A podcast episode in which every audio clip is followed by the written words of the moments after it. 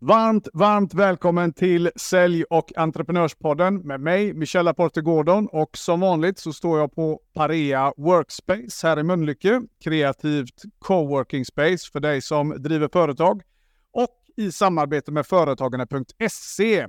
En eh, riktigt bra samlingsplats där du som företagare kan hitta otroligt mycket information. Eh, och idag mina vänner, idag är ingen vanlig dag för idag har vi återigen en gäst och eh, det här är ett, kommer bli ett riktigt spännande samtal för ni som har följt med ett tag, ni vet att jag vill ha en stor bredd på gäster här i podden och det kommer alltid handla om eh, entreprenörskap i grund och botten, men från massa olika vinklar. Och därför så är jag extra stolt idag att få med en person som eh, jag har fått jobba med under en period och lärt känna numera. Eh, hon är författare, hon är PhD, hon har eh, så många titlar så att eh, det är helt eh, fantastiskt. hon har byggt bolag, hon har byggt i techindustrin och eh, idag fokuserar hon på att hjälpa bolag till eh, mer balans och mer lönsamhet genom bland annat medarbetarsamtal. Så Malin Hofflander, varmt välkommen till podden. Tack Michelle! Tack, tack! Hur är läget idag? Jo, det är bra. Absolut, ja. jättebra. Gött! Vi, vi har ju suttit och tjötat här lite innan vi satte igång, så att eh, vi är ju redan lite varma i kläderna. Ja. Jag tänker att eh, vi kastar oss rakt in i matchen och för de som inte har connectat med dig på länkarna eller följt ditt arbete, vill du bara ta lite kort, vem är Malin? Ja, vem är jag? Ja, mm, ja jag kommer ju från Blekinge, det hör man när jag pratar. Jag är inte varken göteborgare eller stockholmare. ja, eh, jag har en bakgrund eh, som eh, chef och ledare i många år. Dessförinnan var jag faktiskt sjuksköterska, eller är. Det är ju ingenting man slutar vara. Just det. Ja, så jag kommer ha en bakgrund från vården då. Jag jobbade som chef och ledare, tyckte det var otroligt mycket som inte funkade i vården. Så jag tänkte här måste jag gå in och försöka göra en insats. Mm. Ja, och det är fortfarande mycket som behöver jobbas med där såklart. Men jag intresserade mig väldigt tidigt för ledarskap. Jag tänkte liksom, det är ju inte en slump att det funkar eller inte funkar på en arbetsplats. Just det. Eh, så det var det som var mitt fokus. Så att ledarskap har jag sysslat med under lång tid. Studerat ledarskap också. Eh, Just det. Och, mm, När kom du igång eh, med ditt egna företagande då? Ja, när är det? Det är ju kanske 12 år sedan någonting. 11-12 år sedan. Mm. Och eh, var det av en slump att du till slut blev egen eller var du med om något defining moment? Det är ofta så man... Ja, antingen så hamnar man in i det eller så är man med om någonting som liksom, nej, skitsamma, nu tar jag tag i det här själv. Vad, vad var din story? Ja, det var det. Det, det var nog faktiskt en liten kombination. Man, alltså dels var det ju så att jag jag tyckte det, det, tog, det tog för lång tid att förändra inom den offentliga sektorn. Det var liksom, ja men, gud vad det tar lång tid. Vill ni inte det ska bli bra? blev ju min fundering många gånger. Så tänkte jag, jag kan inte vara i den här världen. Jag måste, det måste hända lite snabbare.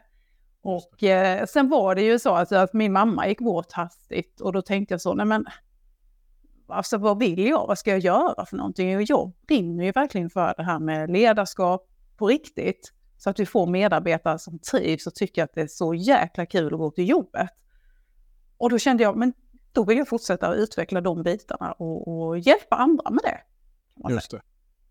Och, vad, eh, ja, och, det, och det är ju intressant, för ofta är det ju så när det gäller entreprenörskap då, då att eh, det var så kul att höra att du sa, ja, men varför går det så långsamt och vad är det som händer? Och där är ju många gånger the story behind the entrepreneur. Alltså att, att när man ska komma igång då, då. Vi är frustrerade, det händer någonting.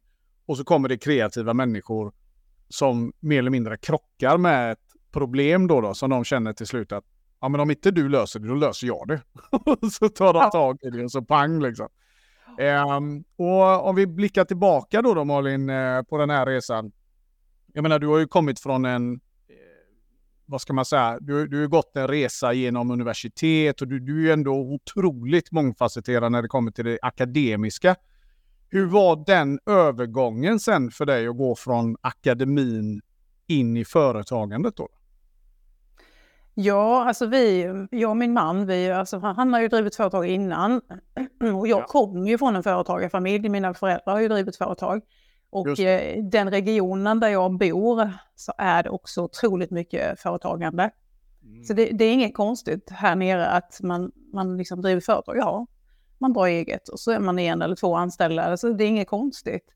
Så den tröskeln var inte stor eller Nej. svår eh, att ta. Eh, det var mer så här, okej, okay, vad ska jag göra? Ja, men jag ska ja. nog göra det här. Då provar jag. Och så. Det är ju väldigt, jag måste bara, liksom, det, jag tycker det är så fascinerande för du säger det, ja men här i regionen är det inte så konstigt.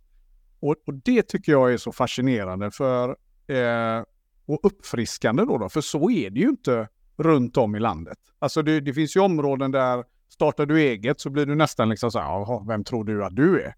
Medans som du var då inne på här att nej men, här är det så vanligt så att det är ingen som lyfter på ögonen. Det är nästan så att det är konstigt att inte göra det. ja, alltså, så, men det är faktiskt så. Sen är det ju skillnad nu. Jag som sagt, jag bor i Blekinge och just uh, i den kommunen i Sölvesborg där jag bor, där är det så. Men det skiljer sig om man bara går liksom lite uh, till andra kommuner i närheten. så det är väldigt lokalt att här är det inte konstigt att man driver företag det, det, var ingen, det var inget svårt att, uh, att ta det beslutet. Nej. Sen lite så också, visst nu, precis som du nämnde där innan Michelle, jag har, jag har gedigen utbildning, jag har, jag har saker jag kan, kan syssla med om jag inte skulle vilja fortsätta med mitt företagande eller om det inte skulle lyckas. Mm. Så det är klart att det kanske också spelade in i mitt eh, val, att jag tänkte att ja, ja, jag provar. Men det kanske också har med min personlighet att göra, att jag inte är rädd för att misslyckas, om det nu skulle bli ett misslyckande. Utan då, jaha, då får jag något annat. Nej, men du är ju en go-getter, det, så mycket har jag lärt känna dig. Och ehm, samtidigt då så tar du också upp en annan sak där som är intressant, att du ändå hade något att falla tillbaka till. Skulle du säga att det var en att det har varit en trygghetsfaktor som ändå har varit där med dig när du startade upp bolaget och, och liksom satte fart helt enkelt? Ja, det skulle jag säga delvis i alla fall. Alltså, så var ju den en, någonting som fanns där bak att eh, ja, men då får jag väl hitta andra vägar. Sen eh, hade ju inte det varit så enkelt heller att bara plötsligt eh, inte driva företaget utan i så fall söka upp något annat. För någonstans vill jag ju också jobba med det jag gillar och jag vill trivas där jag är. Mm. Så det är inte bara så här, ja men då får jag väl ta något annat. Jo, men det kan ju också bli dåligt. Så ja. det, det, det, är ändå funderingar som man har. Det tror jag de flesta har när man tar det här steget. att ja, men man, man sätter ju in en hel del av sig själv i det här. Ja. Alltså, mm, vad kommer det innebära och vill jag det här? Så det var ju lite test också. Hur gärna mm. vill jag jobba Just. med de frågorna jag brinner för? Just vad, är, vad är jag liksom beredd att satsa, kan jag väl säga. Och har det alltid varit samma från början eller hur såg du bol alltså vad gjorde du från början om man säger så då i företagandet? Ja, men då började jag jobba som konsult inom eh, organisationsutveckling utifrån egentligen att jobba med värderingar och organisationskultur. Och det är ju en av de sakerna som jag har studerat när jag, eh, mina akademiska år. Så min, eh, min doktorsavhandling handlade om implementering av IT kopplat till ledarskap och organisationskultur. Alltså, är det en slump att det funkar att föra in nya system? Nej, mm. det är ju inte det. Det har otroligt mycket att göra med vilket ledarskap som finns och hur kulturen är formad runt människorna och organisationen. Mm. Så, så det är ju egentligen organisationskultur som jag tycker är det absolut viktigaste att jobba med, värderingar. Men vem är jag? Varför tycker jag det jag tycker? Och hur får vi oss tillsammans att fungera och ta hänsyn och vara schyssta? Och just det här då, jag menar som organisationskonsult, det, det är ju många som uh, vill starta upp och bli det idag. Mm. De uh, kommer från olika bakgrunder men uh, vill liksom gå in och ja, många gånger äga sitt jobb också och så vidare. Mm. hur var den tiden att komma igång med det? För vi har ju alla den här tröskeln, okej okay, nu har vi satt igång, och så ska vi få in de här första kunderna och få det att börja rulla. Om du tänker tillbaka till den perioden, hur, hur var den? Hur, hur upplevde du den? Ja, det var ju lite spajigt då såklart, mm. rent eh, emotionellt. Alltså, ja, men vem, ja, men vem ska vilja köpa min tid? För det är ju det, det är ju tiden man säljer när man är konsult ja. ju. Och så hade jag lite flyt eller jag vet inte, jag, jag, jag hörde en klok person för rätt så många år sedan som sa, och jag kommer inte ihåg vem det var, för då skulle jag gärna Mm. creddat den, men det som sa så här att det är aldrig en slump, Nej. utan det, det, det för sig dit därför att du är den du är och du kan det du kan. Så att, att, man liksom, att man lyckas eller vad det nu är för någonting, det är aldrig en slump. Utan Just du kommer göra dina val utifrån något annat än slumpen. Så att jag tyckte det var Jag ganska- den. Ja, den ja, kan man verkligen eh, applicera även på försäljning faktiskt. För eh, det går definitivt att säga även där. Det är inte en slump. Eh, sen om vi upplever en slumpmässig försäljning så, så är det för att vi gör saker och ting sporadiskt och så leder det ibland till att det sker att du får in den här kunden. Då, men, Mm. men det är lite samma parallell där, så det var lite kul. Ja, Nej, men att man gör någonting liksom. Annars så kommer man inte fram. så Nej. är det ju.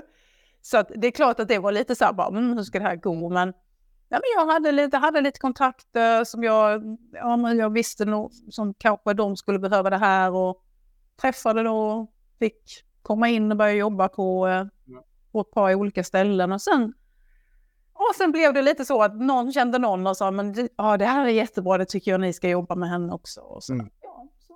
Hur lång tid skulle du säga att det tog innan du kände att du började liksom gå runt då, då som är det första steget för de flesta? Eller för? Alltså för mig tog inte det så himla lång tid, om jag nu, Nej. jag kan inte säga vad som är lång tid kanske egentligen. Men det tog ju inte så många månader. Det, Nej. det gick ganska snabbt. Just det. Mm.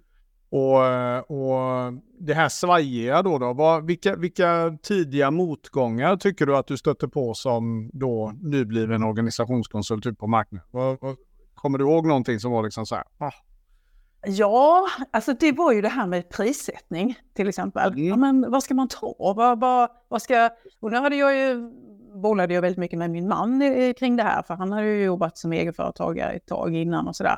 Så att Ja. liksom, nej men du, du måste vara tydlig med vad ingår mm, eh, i det. Alltså om du säger, ja men jag, ett koncept till exempel, att vi kan jobba så här och så här med ledningsgruppen och medarbetare och kring värderingar till exempel. Mm, du måste vara jättetydlig med vad ingår, så du kan räkna hem eh, din tid. Så du inte liksom gör en massa jobb utan att kunna ta betalt för det. Då kan ju timlönen bli otroligt låg. vilket jag tror är väldigt, väldigt, eller vet är väldigt vanligt att vi, eh, många konsulter då, då eh, en konsultfälla, eh, en del av den är verkligen att man levererar otroligt mycket mer än vad du faktiskt fakturerar. Och eh, Det tror jag på också. sista raden så har du jobbat jättemycket men du får inte Mm. betalt i den utsträckningen. Och det är ju en one way ticket på det till, eh, till utbrändhet skulle jag säga. Ja, absolut. Så det, det kan jag säga, att det var, det var lite knepigt i början. Mm. Men eh, så att jag, jag, jag vad man säger, men de första jobben var ju ganska billiga då, kan jag ty- tycka nu efteråt. Men det var lite, jag, ja, men jag såg det också som att ja, men jag måste ju också lära mig det här. Ja. Även om jag hade mycket kunskaper, otroligt eh, mycket kunskaper i vissa områden, så hade jag inte kunskaper om det här.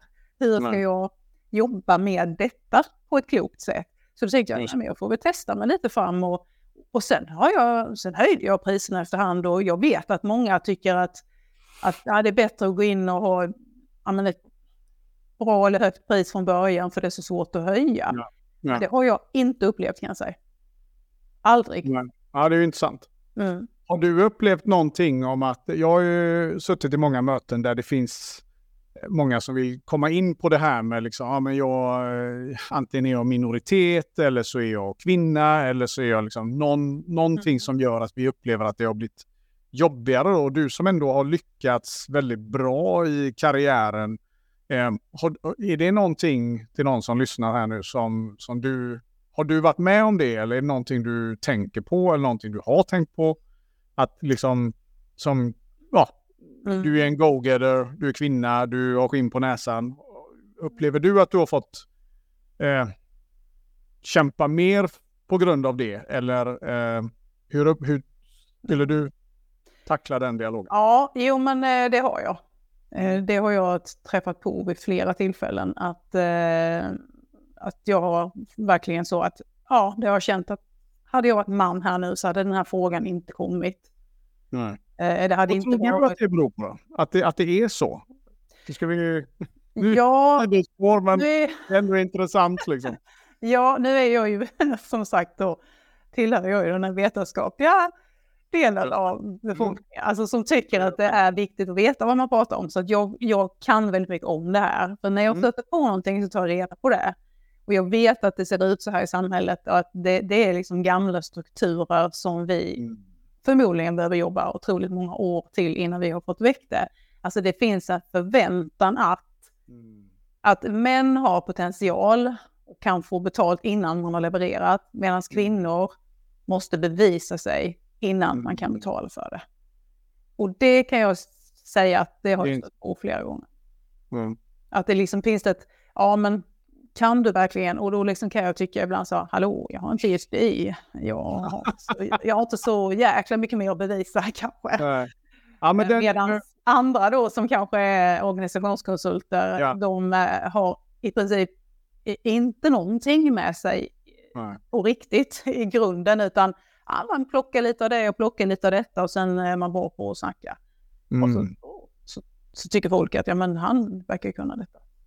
Har det varit en eh, stor del, tycker du då, i, vad ska man säga, även självförtroendet att tackla de här dialogerna? Att du har den bakgrunden ändå, att du liksom kan komma med ammunition eh, in i en sån dialog? Eller skulle du säga att du har vunnit det på andra sätt att argumentera? Jag tror det är en kombination. Alltså jag är ju som person är jag ju trygg i mig själv och jag har aldrig liksom känt egentligen att vad jag än har hållit på med så har jag aldrig känt att oj, tänk om och jag kan nog inte det här. Utan jag, jag känner att jag kan det jag gör eh, och är trygg i att om jag inte kan och har inget problem att säga det också.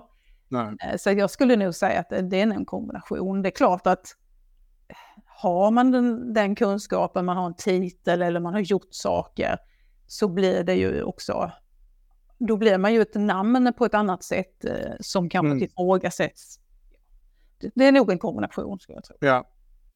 Och eh, det här självförtroendet då som du har, ja, eh, liksom, eh, vad skulle, det- vet jag ju också är en stor, stor, förmodligen en av de absolut största roadblocksen då, då för väldigt många som startar eget. Att de, de, de kan ha en kompetens, de kanske har vissa grejer, men de, de är väldigt osäkra och så kommer marknaden och gör dem ännu mer osäkra. Eh, var har ditt självförtroende kommit ifrån, eh, Malin?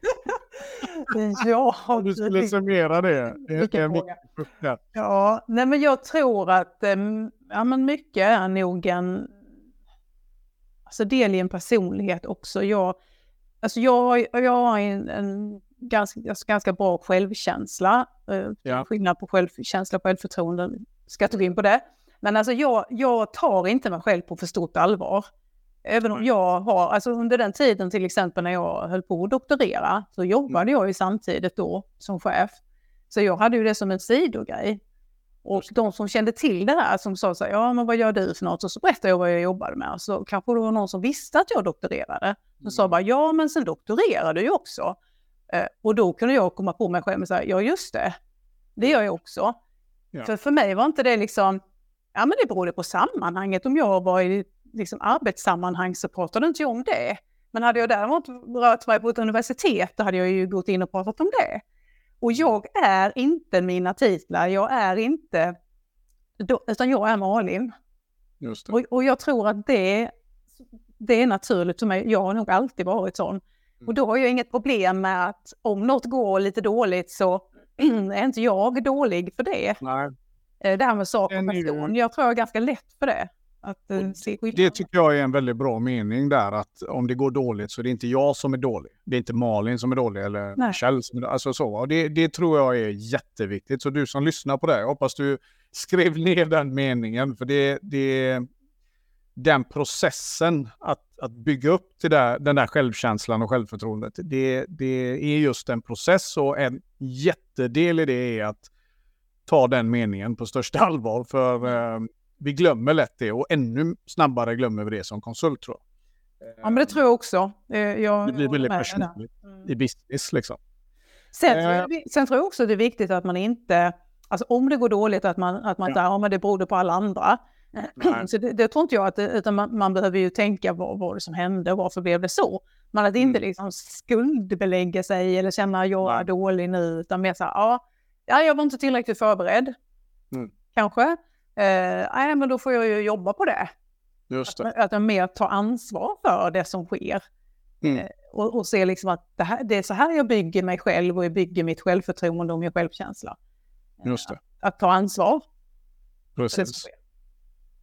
Ja, jättebra. Men det blir väl en eh, fantastisk passning in i, om vi släpper gå, liksom, din resa bakåt och tittar framåt här nu då. Nu, nu satsar du väldigt mycket på organisation, ledarskap, medarbetare och de bitarna. Eh, och eh, ja, men om vi börjar i den änden då, att vad, vad fick dig att liksom verkligen satsa på, på organisation och medarbetarsamtalen då? då? Var det liksom eh, igen då, var något defining moment eller kom du bara rakt in i själva den tårtbiten? Ja.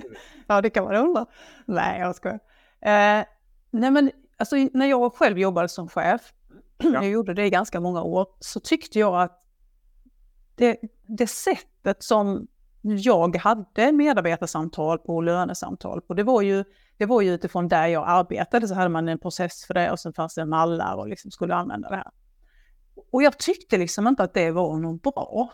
För när det var de här traditionella medarbetarsamtalen så var det, ja, det var mer så här, hur mår du, trivs du, uh, ja, tycker du, är det någon utbildning du vill gå? Alltså det, det är lite så, feel good kallar jag det. Ja, och det, ja. det, är inget fel med detta, för det måste man också ha. Ja. Det var alldeles för lite, men vad vill du? Vad vill du medarbetaren med ditt år här? Vad vill du bidra med? Vad vill du utveckla? Hur ska du bli ditt bästa jag här tillsammans med mig som din chef? Just. Därför att när vi sen då hade det här traditionella lönesamtalet så var det ju helt andra saker som jag faktiskt bedömde där. Då får det ju väldigt mycket hur medarbetarna hade agerat, hur den hade tagit sig an svårigheter som dök upp.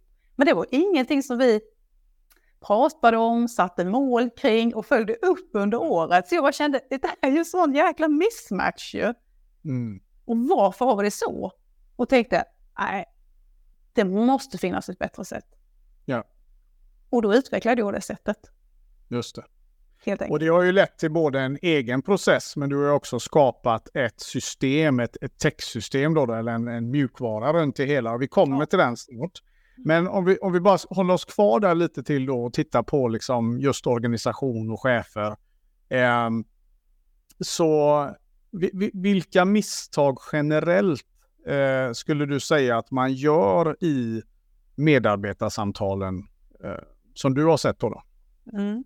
Nej, men dels så är det ju det här att man inte, man, man går inte in tillräckligt mycket och pratar om eh, beteenden, alltså hur ska du agera för att nå dit du vill, utan man kan vara ganska bra på att sätta mål, för det här med medarbetarsamtal eh, i vissa organisationer så går man väldigt mycket in på att jobba med mål.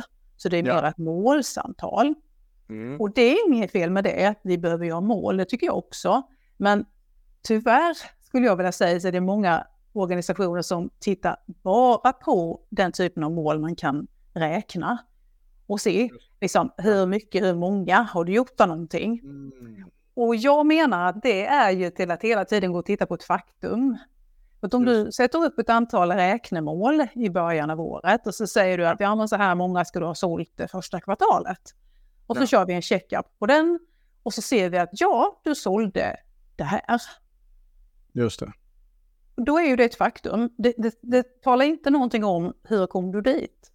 Och Nej. om du nu inte riktigt nådde dit eller om du andra har nått längre än dig, mm. vad har de gjort då för att nå dit? Och det menar jag är skillnaden på vad och hur. Att Just. den typen av mål som jag sa nu, det är så här vad du ska göra för någonting. Ja. Medan hur-målen är ju, hur ska du agera för att kunna sälja så här mycket, om det nu är försäljning vi pratar om.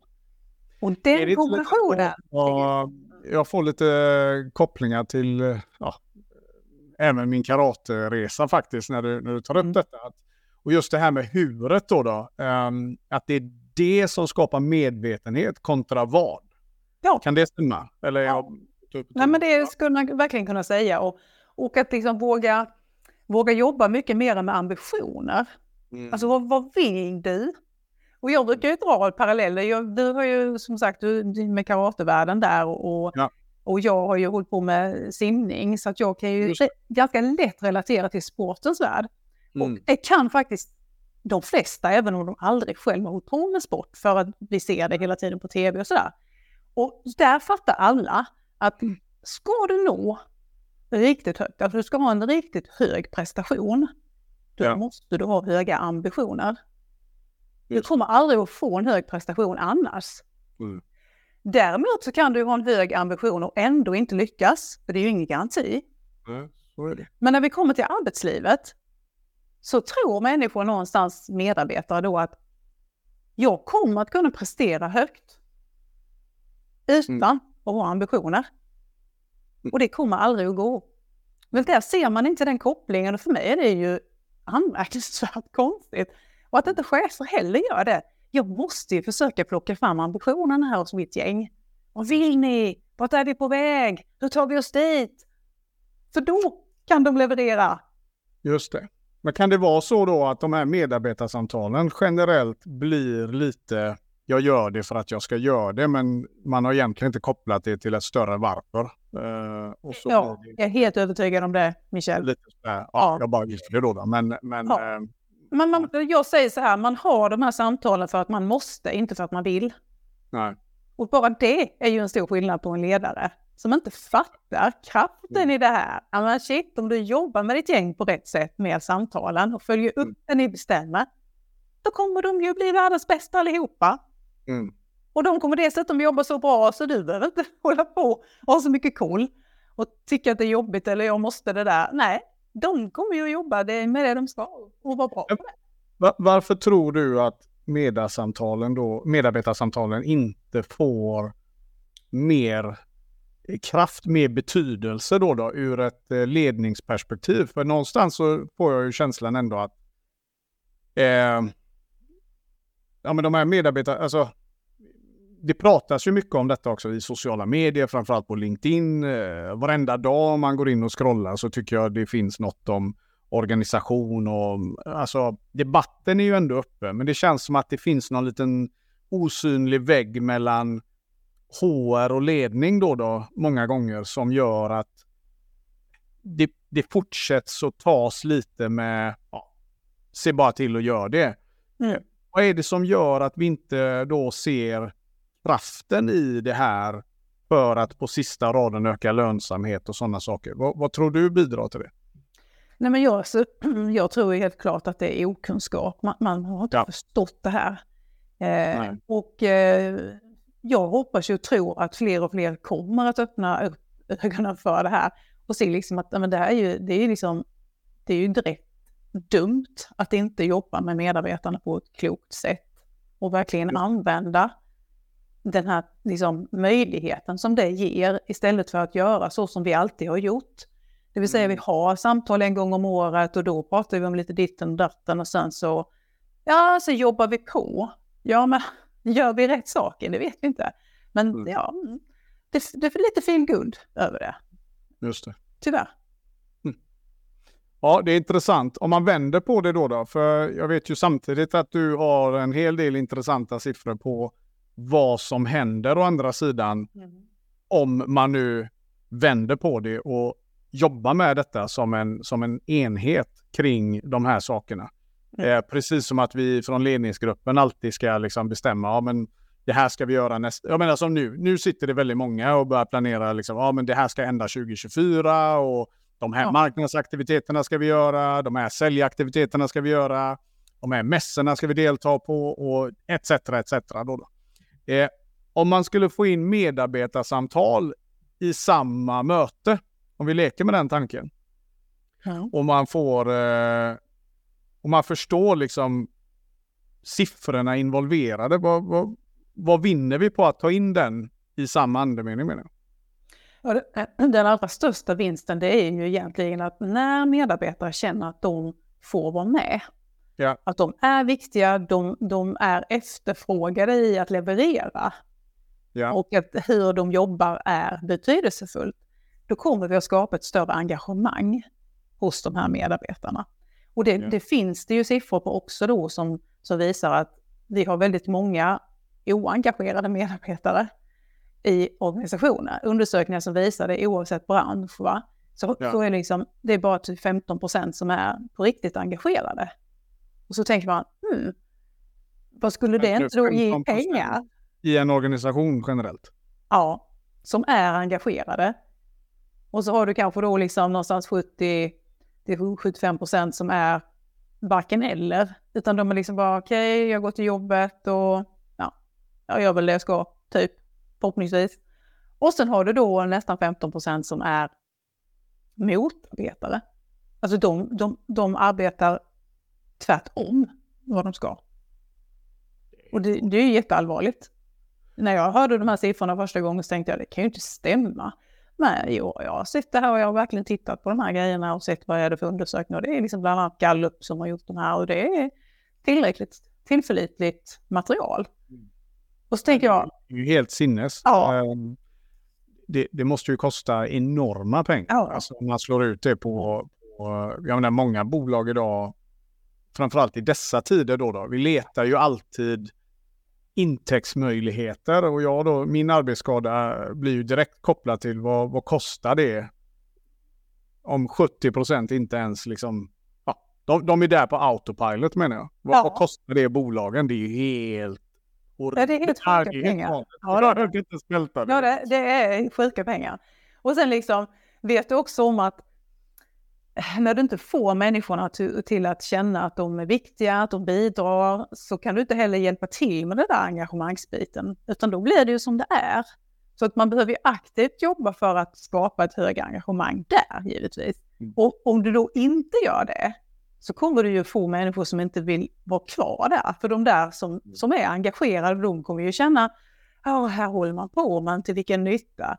Och så byter ju de arbetsgivare. Men då står du där och behöver rekrytera. Och då kostar ju det pengar.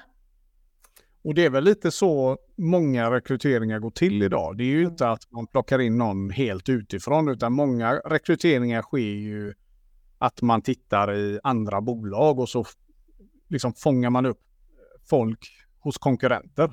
Absolut. Gott, liksom. Det är ju jättevanligt. Jag vet att i byggbranschen så är det ju liksom nästan så de har hängslen och livrem på Ja, eh, idag för att det är så kort om eh, personal. ja men det är likadant inom hela Så jag IT-sektorn. kan tänka mig att det är slut på överallt. Men, Ja, ja, ja. Alltså det, det är liksom, du kan ju bara, om du har vissa positioner inom IT så kan Mm. du ju bara byta hur du vill egentligen. Mm.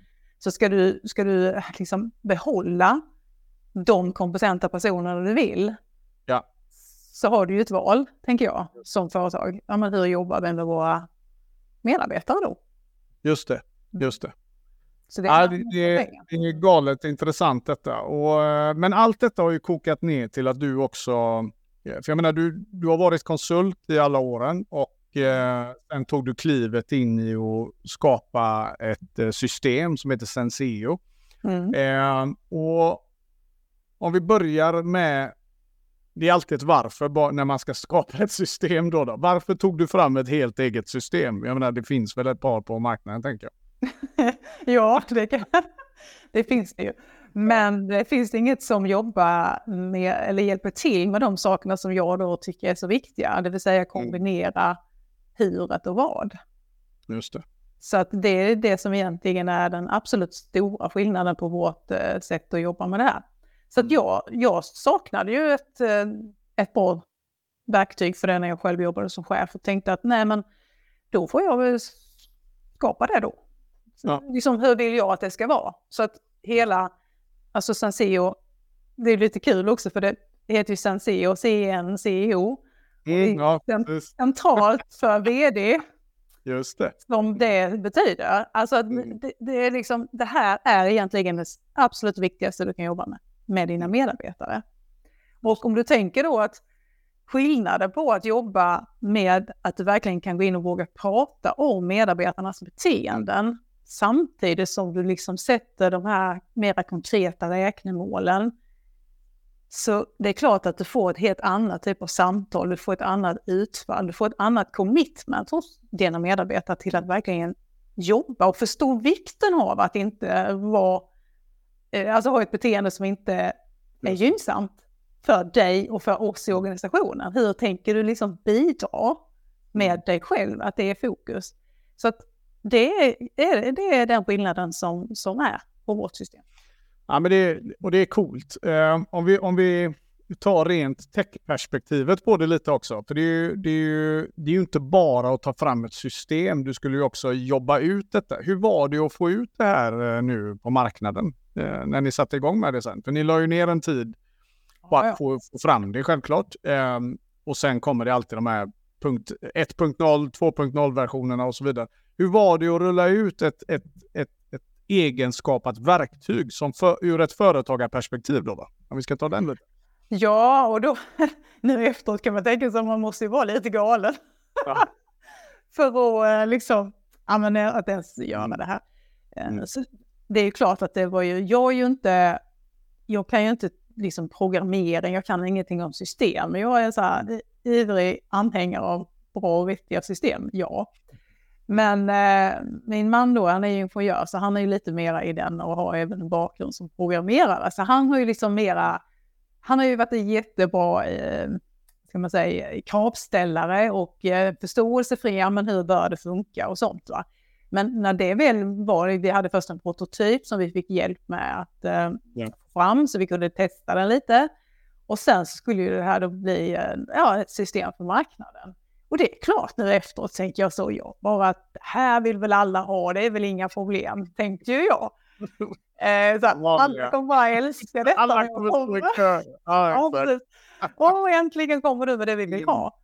Och så var det ju verkligen inte, utan, och är det fortfarande inte. Det är många som, som eh, eftersom du, du ser ju de här eh, engagemangsmätningarna då, att mm. det är för många fortfarande som inte förstår hur man behöver jobba med detta. Men när jag kom med det här systemet till de första potentiella kunderna så var det så här, ja, ja. Men återigen så där, om det nu är flyt eller om det är slump, det där vi mm. pratade om innan, det. det finns, ja. Ja, så exakt. Eh, fick jag en kund tidigt. Just det. Mm. Och efteråt har jag förstått att den vdn där var en, eh, det man kallar för early adopter, alltså någon som bara kände, ah, men det här är ju nytt, jag vill hänga på de nya, jag vill vara med i det nya. Och då blev det... Jag, jag skulle nog säga Malin att ur ett, om jag skulle analysera det här ur ett försäljningsperspektiv då, då så tror jag ju att eh, din tidiga framgång, om man nu ska kalla det så, eh, är ett kvitto på att du har byggt väldigt mycket förtroendekapital ute på marknaden. Eh, och det är klart, mm. har man det så blir det väldigt mycket enklare att komma ut. Många gör ju tvärtom.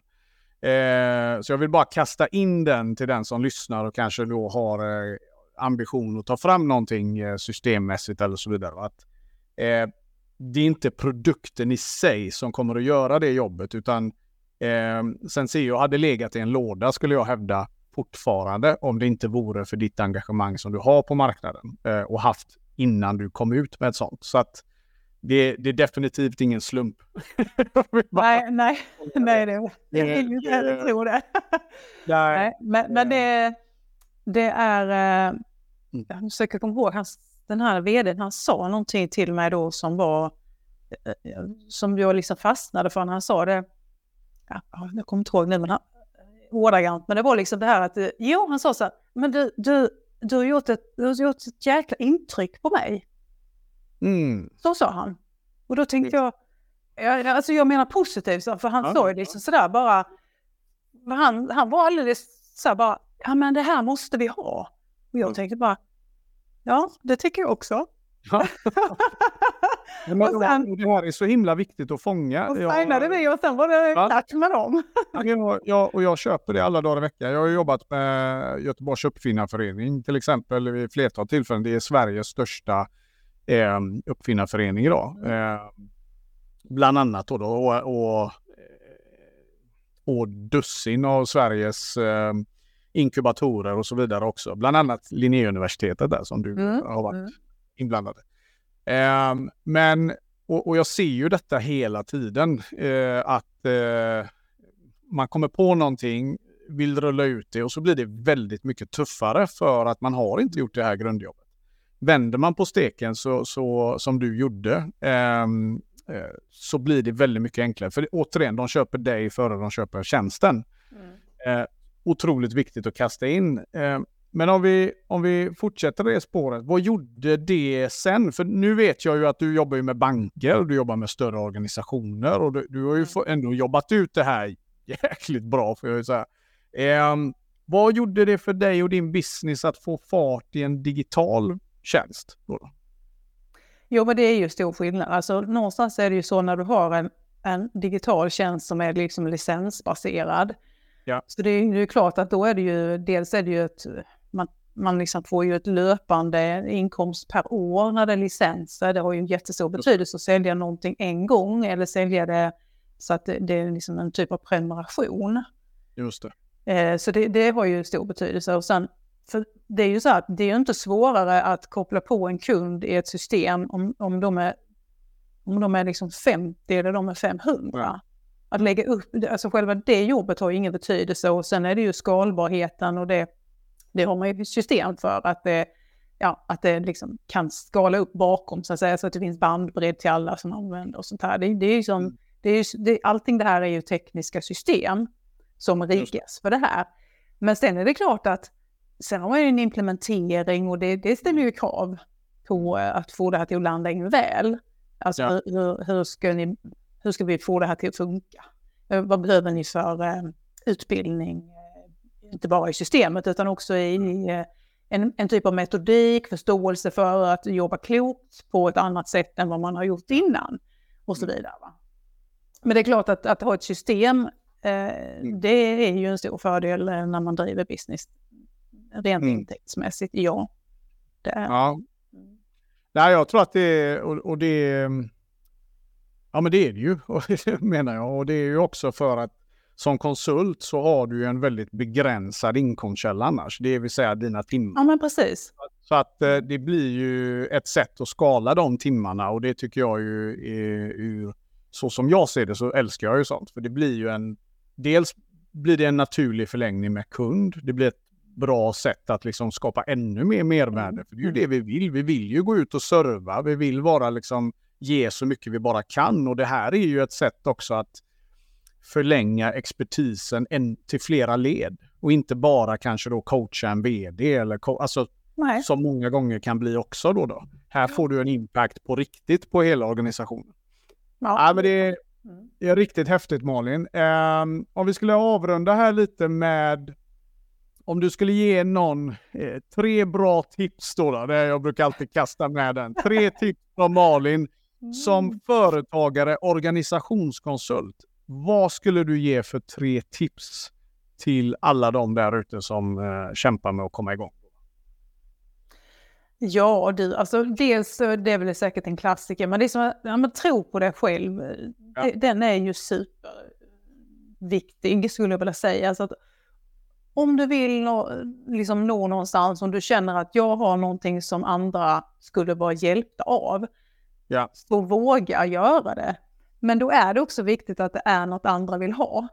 Mm. Så det inte är något du själv tycker verkar kul bara. Nej. Utan alltså, du måste ju se till så att det här är någonting som andra vill köpa. Annars blir det ju mer en form av eh, fritidssysselsättning, att jag kan göra något för att det är kul, utan att det också finns en, liksom, någon som vill ta emot det jag kan. Eh, sen är det ju att, eh, att våga prova. Mm. För du, du kanske inte från början eh, vet exakt hur du ska få, formera ditt eh, erbjudande. Ja. Utan någonstans så måste man börja. Man får tänka, ja men det här testar jag, jag provar. Och sen får man vara, vara beredd på att modifiera det. Och tänka, ja, nej men jag, nej, det var inte så bra utan jag får nog svänga mig ditåt. Och sen försöka hitta din nisch. För det är lite så som du sa, när jag är organisationskonsult, ja men hallå, hur många miljoner sådana finns det? Jättemånga. Jag tror faktiskt det finns fyra miljoner i världen. Jo, det finns fyra och en halv miljon på LinkedIn registrerade organisationskonsulter idag. Det är ja, hela Danmark. Ja. ja, precis. Tänk fyra och en halv miljon danska organisationskonsulter. Ja. Och det tror jag Då tror jag att man behöver nischa sig inom någonting. Ja. Och, och ska du nischa dig så måste du också bli väldigt bra på det. Och mm. då får du se till att skaffa dig den kunskapen. För att jag tror, jag tror ju absolut inte att man ska bara tänka att ja men hur svårt kan det vara? Det är andra som kan och då kan väl jag också. Och så hoppar mm. man rakt ut. Man mm. kan absolut prova det men jag tror ju att det är inte det klokaste sättet utan mer så här, mm. ja men hitta din nisch, bli duktig på det. Då ja. Kan du nå framgång och då, då blir du också attraktiv. Eh, och jag har ju valt att liksom verkligen gå in på det här med organisationskulturen, värderingar. Alltså bli en värderingsstöd eh, ledare, jobba med det och jobba med det själv. Så att din organisation kan få en bra kultur så att man tillsammans jobbar med det här. Och där är ju beteendena då, det är ju det som är centralt. Om du skulle lämna, ja men det är riktigt, riktigt bra. Tro på dig själv, se till att uh, ha någonting som andra uh, vill ha. Mm. Uh, gör din research med andra ord. Mm. våga prova tror jag med mig. Det, ja. det är så intressant för alla kommer till de här punkterna och, och jag hoppas att det är lätt, och, och, så säger man så här, ah, det, det kanske låter självklart. Ja, fast det gör ju motionera fyra dagar i veckan också. Det har alla hört hur många gånger som helst, men hur många gör det? Nej. Att vi behöver fortsätta säga detta, mm. komma med levande bevis tills poletten trillar ner för, för många. Va? För jag menar, av alla som startar, det är 75 000 bolag om året, eh, 50 procent ser inte ljuset 24 månader mm. senare. Och det, det är många av dem som eh, tyvärr eh, tvekar på sig själva. Eh, mm. De har ett erbjudande som inte är genomtänkt. Eh, och de vågar inte prova. De sitter och liksom, ja, jag ska bara göra detta, jag ska bara göra detta. I, istället för som du är inne på då, eh, gå ut och sen vara beredd att modifiera. Jag brukar säga det själv att eh, marknaden är din bästa produktutvecklare. Därför mm. att vi kan själva ha kanske 80 procent av svaren, men de andra sista 20 måste vi våga få feedback och, och liksom sparra mot marknaden. Då, då, då får vi fram någonting som är riktigt jäkla bra. Ja, men liksom också att våga ta emot det där som marknaden ja. svarar.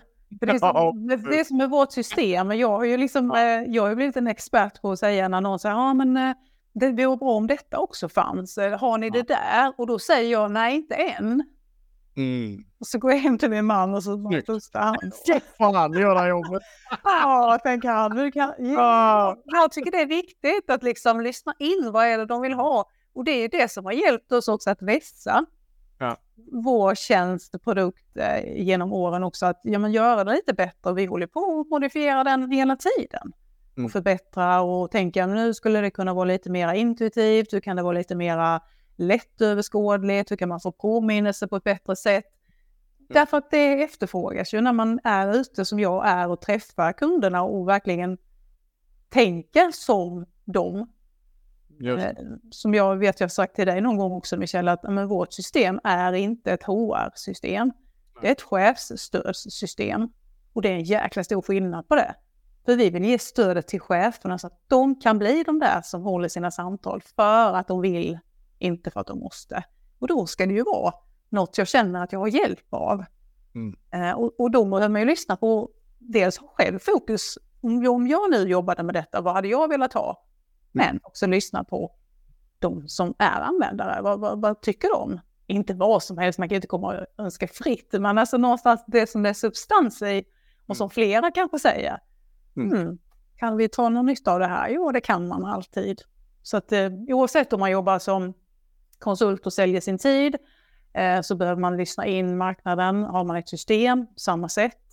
Eh, det är egentligen precis samma grej fast det är olika sätt att lyssna in på.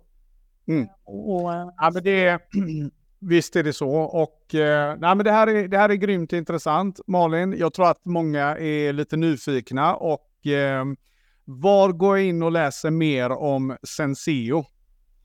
Ja, man kan ju gå in på hemsidan givetvis, enseo.se, eller så går man in på LinkedIn har vi ju en eh, sida och man kan ju också connecta med mig på eh, LinkedIn, Malin Hoflander.